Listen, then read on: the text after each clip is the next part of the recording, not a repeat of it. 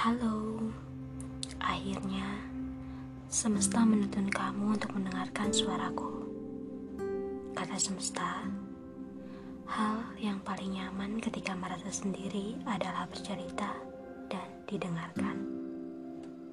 Iya, ngobrol adalah zona nyaman dalam kekosongan dan podcast menjadi wadah untuk bercerita tanpa Ngomong-ngomong, terima kasih sudah meluangkan waktu untuk mendengarkan aku.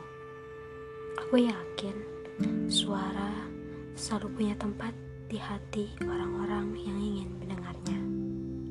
Selamat mendengarkan. Ini tentang ceritaku.